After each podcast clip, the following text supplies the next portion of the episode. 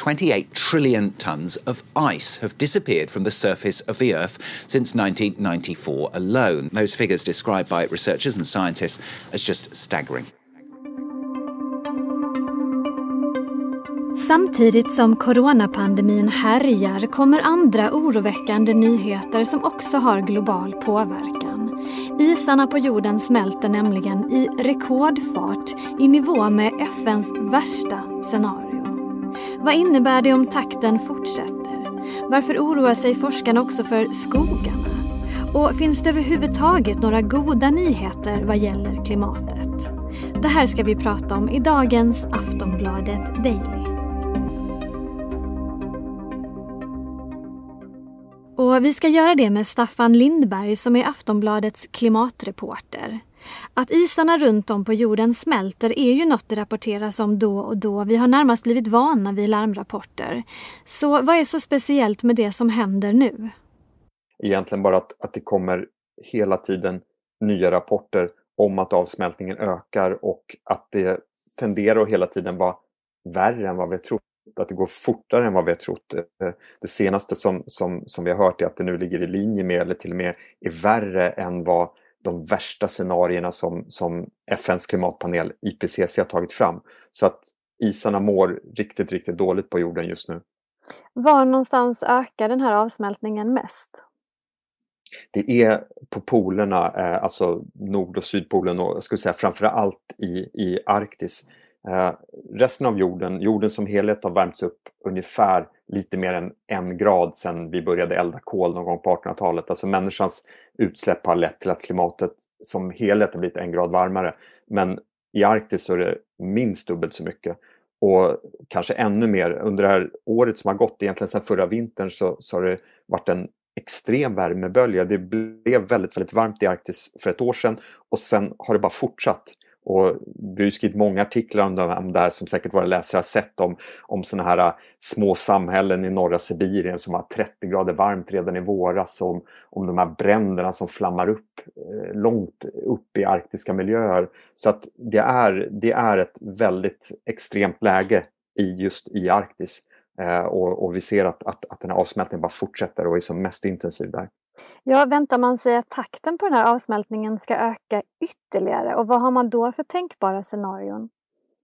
Ja, det, det gör man. Det finns, eh, det finns ju någonting som, som kan, brukar kallas för, för liksom självförstärkande återkoppling eller feedback-effekter som, som egentligen då handlar om att, att klimatförändringarna eh, förstärker sig själva och, och det ser vi just i Arktis att, att när isen smälts bort så blir det en mindre yta som reflekterar solens strålar. Det vita liksom försvinner och ersätts av kanske sten eller mörkt hav som suger åt sig värmen mycket mer.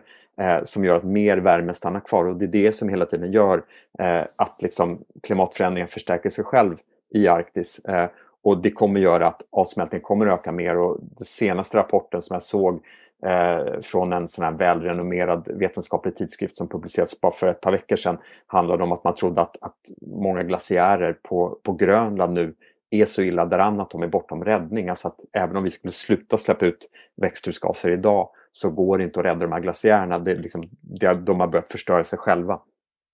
Och vet man exakt varför det har blivit sådana ökningar? Alltså är, är forskarna överens om anledningen till de här rekordsnabba avsmältningarna? Ehm, man, man är ju, det finns ju en, en, grundläggande bred enighet om att, att det vi människor släpper ut eh, i form av växthusgaser, framförallt koldioxid, eh, leder till ett varmare klimat. Liksom, där är enigheten nästan total. Om vi ökar utsläppen så ökar koncentrationen av växthusgaser i atmosfären, då blir det varmare och det gör bland annat att, att isen smälter. Eh, däremot så finns det en mycket större osäkerhet när det gäller de här eh, självförstärkande effekterna som var inne på. Eh, att klimatförändringarna i sig liksom driver på mer klimatförändringar. Det som jag nyss nämnde om att isarna som smälter som gör att mer värme absorberas, det är ju ett exempel. Det finns ett annat exempel i, just på norra halvklotet och, och det är den här permafrosten som smälter. Och när den smälter, vilket vi ser nu i Sibirien, eh, så frigörs en, en gas som heter metan. Metangas frigörs och metangas är en väldigt, väldigt kraftfull växthusgas.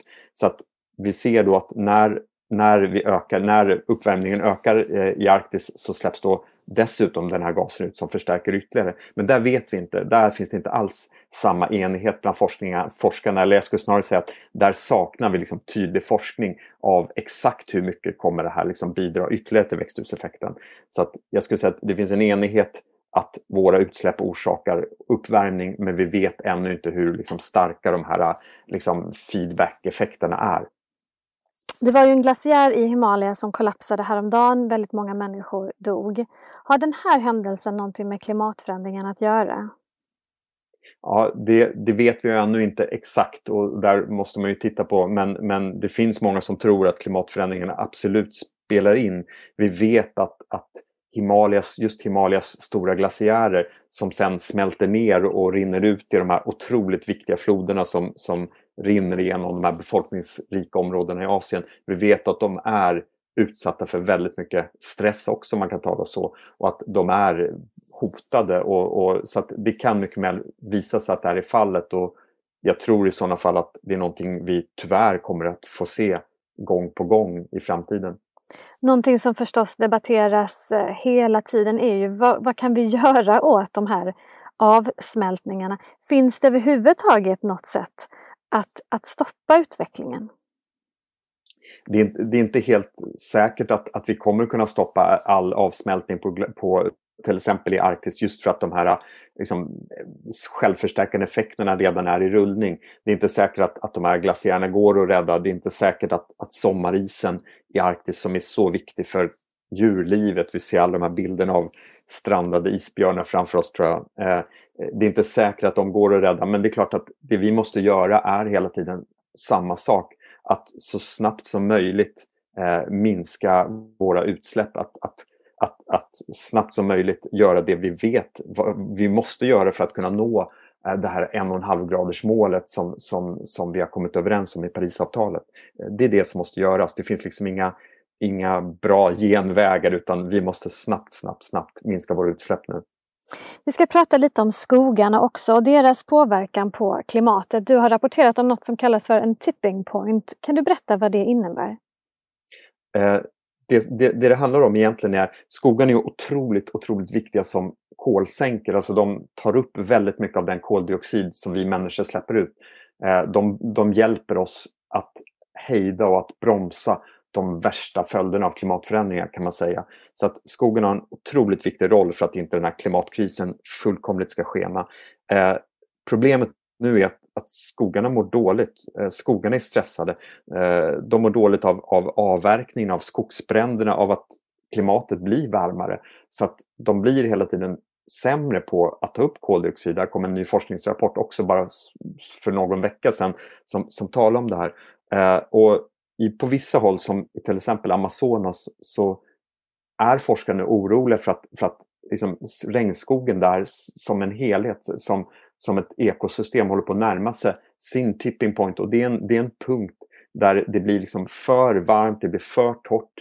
Så att regnskog kan inte längre existera utan skogen börjar omvandla sig själv, förstöra sig själv om man vill och förändra sig till en buskmark. En, en mark som inte alls är rik, lika rik på, på liv, på, på liksom biologisk mångfald och en typ av natur som också är mycket, mycket sämre på att ta upp koldioxid. Just Amazonas regnskog är det viktigaste landområdet på jorden för att ta upp koldioxid. Så att man är rädd att, att den här stressen, att avverkningen, att skogsbränderna, att, att temperaturhöjningen driver den här skogen och kommer att driva den inom kanske 10, 20, 30 år till en sån här punkt där den börjar förstöra sig själv. Och och det är ju ett väldigt, väldigt oroväckande scenario för vi behöver våra skogar om vi ska ha någon chans att liksom hejda klimatförändringarna. Och är världens ledare överens om att det här är ett problem och att vi måste stoppa den här eh, farliga situationen? Eller hur ser det ut där egentligen? Nej, det är man ju inte. Eh, vi, det, har, det, finns, det finns en oenighet eh, just i Brasilien då, som är ett, ett nyckelland i och med att merparten av Amazonas regnskog ligger där. Så har man en, en president som, som eh, väldigt ofta uttalar sig på ett sätt som inte gör någon som, som, som, som är mån om att rädda Amazonas regnskog särskilt trygg. Eh, han har gett indirekt stöd till de som avverkar skogen och det sista som man behöver där är ju att skogen avverkas ytterligare för då driver man den ännu närmare den här tipping pointen. Eh, det är otroligt viktigt att att alla naturskogar, vare sig i Amazonas eller här i Sverige, att man räddar dem, att man återplanterar, restaurerar. Det, det är väldigt bråttom. Eh, men, men någon enhet finns inte i världen idag. Om vi går från Bolsonaro till USAs president Joe Biden. Något av det första han gjorde som nytillträdd var ju att återansluta landet till eh, Parisavtalet. Vad förväntar man sig klimatpolitiskt av Biden?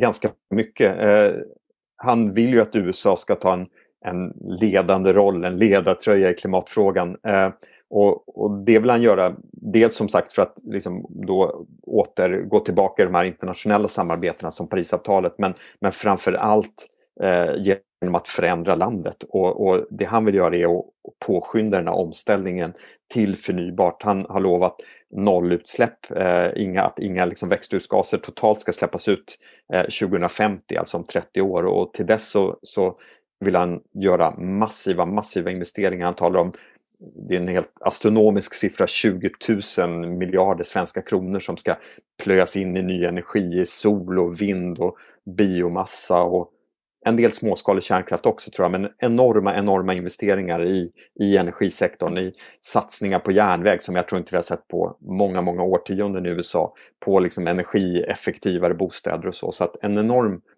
omställning av, av, av USA eh, vill han göra. Eh, och, och det är ju ett väldigt, väldigt tydligt och skarpt skifte jämfört såklart med hans företrädare Donald Trump. Mm. Finns det några fler positiva nyheter vad gäller klimatet som du kan ge oss här som en liten, som en liten tröstande filt här på, på slutet?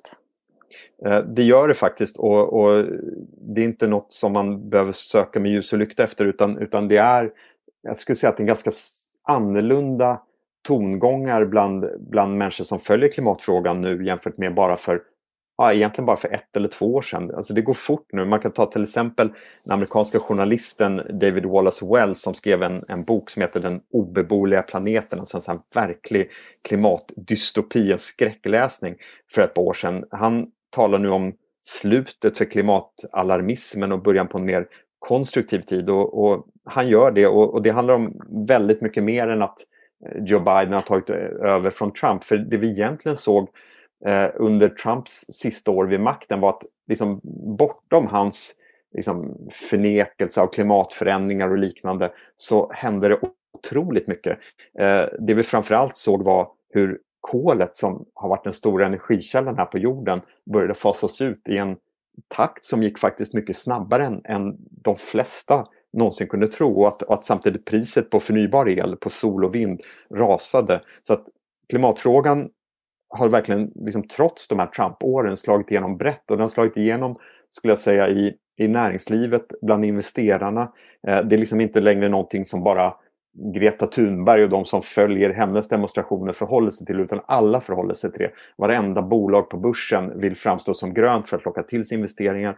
Vi ser liksom alla prata hållbarhet i någon sorts grön så här, bonanza på börsen där, där liksom, hållbarhetsaktier rusar.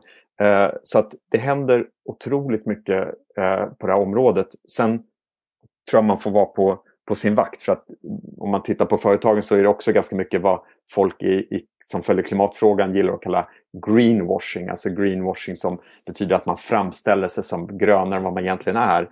Eh, och så, att, så en hel del sånt förekommer. Det är fortfarande en, en väldigt riskfylld framtid som vi håller på att gå in i. Men det måste nog inte vara kört.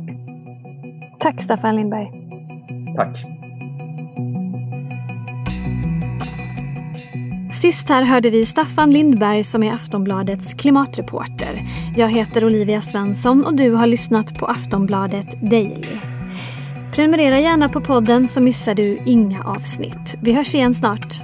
Hej då.